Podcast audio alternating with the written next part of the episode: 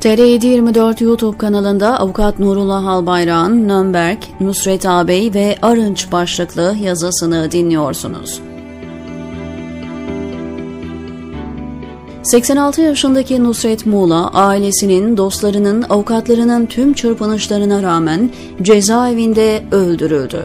Adalete değer vermeyen hakimlerin kararları nedeniyle yüzlerce insan gibi Nusret Ağabey de ölüme gönderildi.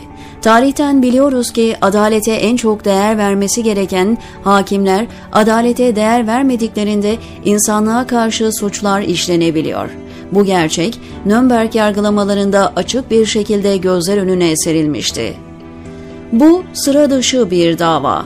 Karşımızdaki sanıklar hukuk adına suç işlemekle itham ediliyorlar. Bu adamlar ölü ya da kaçak olan meslektaşlarıyla birlikte 3. Reich dönemi boyunca görev yapan yargıçlardır. 3. Reich döneminde bu sanıklar yargıç olarak hizmet verdiler. Kürsüde yer alan yargıçlar olarak sanık sandalyesinde oturan yargıçları yargılayacaksınız. Ve bu böyle de olmalı.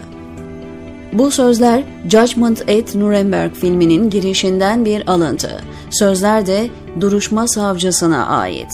Nürnberg Mahkemesi'nde Nazi liderlerine yöneltilen suçlar, barışa karşı suç, insanlığa karşı suç, savaş suçları ve suç ortakları olmak üzere dört kategoride sınıflandırılmıştı. Duruşmalar yaklaşık bir yıl sürmüş ve sanıkların bir kısmı idam edilirken bir kısmı da 10 ila 20 yıl arasında değişen cezalara çarptırılmış, az sayıda kişi de beraat etmiştir.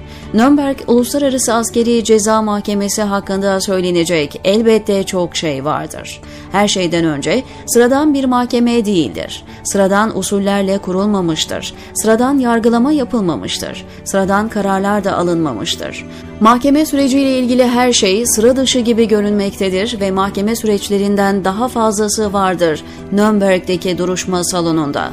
Ancak sıradan olan bir şey vardır, o da bütün eksik yönlerine rağmen adaletin değeridir. İddia makamı giriş sözlerine şöyle devam eder.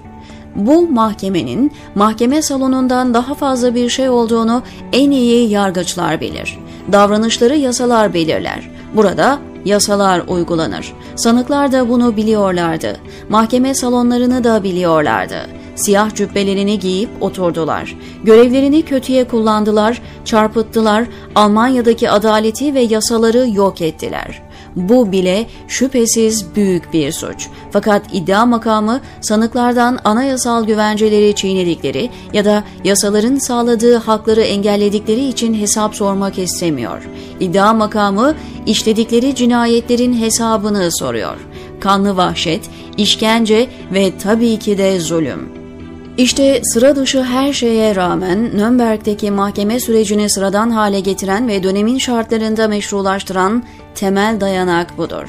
Judgment at Nuremberg filmi, Nazi döneminde görev almış yargıçları konu edinen bir senaryo üzerine kurgulanmışsa da aslında duruşmalarda yargılanan hükümet, kamu ve yargı görevlileriyle askerlerin tamamını kapsayan Hitler rejimidir.